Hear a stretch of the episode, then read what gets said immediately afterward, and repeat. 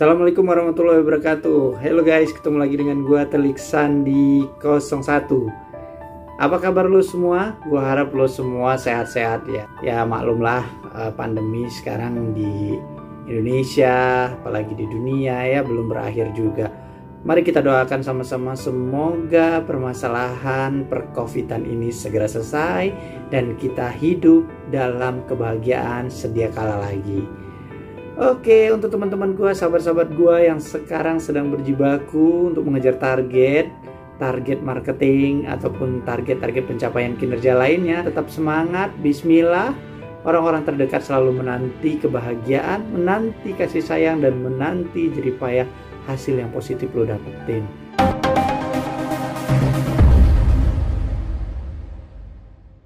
Hari ini gue coba live langsung uh, di podcast gue di video kali ini dan gue selalu senantiasa pengen ngejaga imun dengan cara tersenyum dan selalu membuat lo semua bahagia mendengarkan cerita dari gue.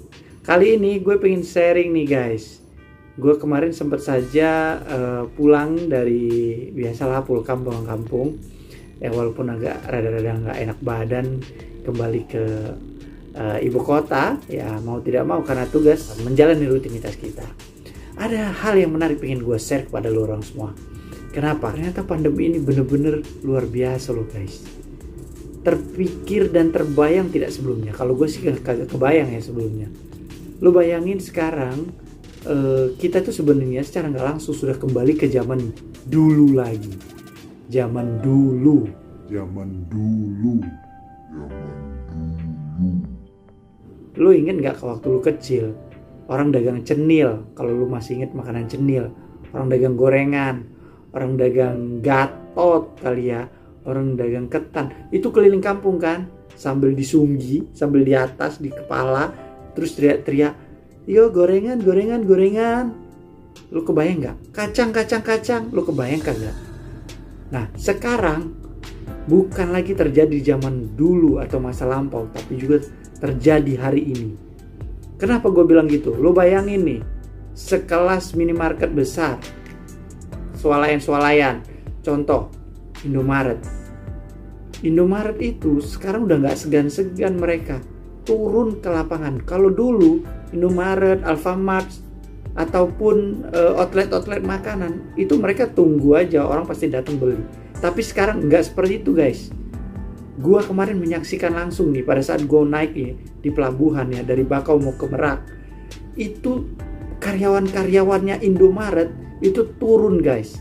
Nawarin roti. Tuh bayangin. Dagang roti itu bukan lagi pemilik pedang-pedang yang ada di bis. Talu udah kacang uni, talu udah kacang uni. Bukan itu saja guys. Ternyata milik karyawan-karyawan itu. Mereka turun tawarin roti, roti, roti minum minum minum. Kalau lu lu gue bukan termasuk promosi ya. Kalau lihat di Indomaret itu kan ada kopi kopinya juga ya.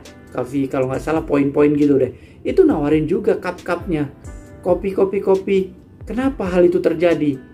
Karena kalau lu pengen dagangan lu laku sekarang bukan lagi lu nunggu waktunya sekarang lu harus jemput. Lu lihat sendiri Pizza Hut. Pizza Hut dulu primadona sekali makan di Pizza Hut itu sudah luar biasa ya kan prestisius sekali. Wow, makan ala-ala Italiano nomor uno. Iya, nomor uno. Ya kan? Sekarang lu lihat karyawannya turun ke jalan guys. Kalau yang di daerah-daerah tuh dia bawa mobil, dia dagang pizza 100 ribu dapat 4. Lu bayangin tuh akibat pandemi Covid. Kenapa? Kalau kayak gitu perusahaannya nggak ngebul. Kalau dapur kagak ngebul dia mau makan apa? Karyawan mau makan gaji apa? Akhirnya apa? Bisa bangkrut dan tutup. Nah itu kemarin. Bukan hanya itu, gue lihat loh franchise-franchise kopi yang ada di uh, pelabuhan tuh. Kenapa? Dia nggak bisa ngarepin lagi customer untuk datang nongkrong di situ. Orang pada takut sama COVID. Terus strateginya harus gimana dong? Kalau gue nunggu orang datang belum tentu orang itu bakal datang. Akhirnya apa? Ya jemput bola guys. Lo datang, lo nawarin, lo harus pasang muka bahwa lo menawarkan produk yang bagus bukan lu pasang muka melah itu ya yang pada minta-minta di lampu merah artinya apa sekarang masa ini sudah kembali ke masa lalu khususnya bagi pedagang teknik itu sudah ada zaman dulu dan itulah yang dilakukan oleh perusahaan-perusahaan besar hari ini. Kenapa? Karena kalau kita bicara di pelabuhan itu segmennya kan terbatas. Memang hanya orang-orang yang mau nyebrang. Nggak mungkin orang luar sengaja datang ke pelabuhan mau belanja. Nggak, kecuali mereka yang nganter. So ya memang strategi marketing sekarang yang realistis adalah seperti itu. Dan lu coba pikirin betapa susahnya jadi karyawan-karyawan itu, jadi mereka.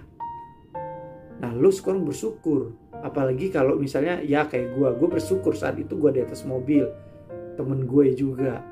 Nah bagi mereka yang kepanasan, lu bayangin. Jadi jangan pernah lu sia-siain pekerjaan lu kalau sekarang perusahaan lu masih ngebul, dapurnya masih ngebul. Tapi bagi perusahaan juga, bagi bos-bos nih ya, ingat SDM adalah aset terbaik. Jangan pernah sia-siakan. Karena sebenarnya karyawan itu tidak hanya butuh uang, tapi justru ruang aktualisasi diri. Istilah kata, kalau lu memberikan kesempatan untuk karyawan lu, kemampuan terbaik apa pun yang dimilikinya pasti akan keluar. Itu hal simple. Kamu luar biasa. Saya yakin kamu pasti bisa. Hanya hanya sebatas dengan kata-kata itu saja karyawan-karyawan itu mereka udah merasa dihargai. Tapi bukan cacian makian atau bahkan ancaman ya. Mungkin itu bisa jadi masalah baru yang menjadi masalah sosial yang bisa berdampak sistemik sehingga merusak daripada perusahaan. So untuk lo semua guys jangan lupa tetap semangat selalu tersenyum jaga kesehatan selalu pengalaman berharga lu sampaikan kepada orang yang butuh inspirasi. Semoga malam ini menginspirasi dan salam telik sandi.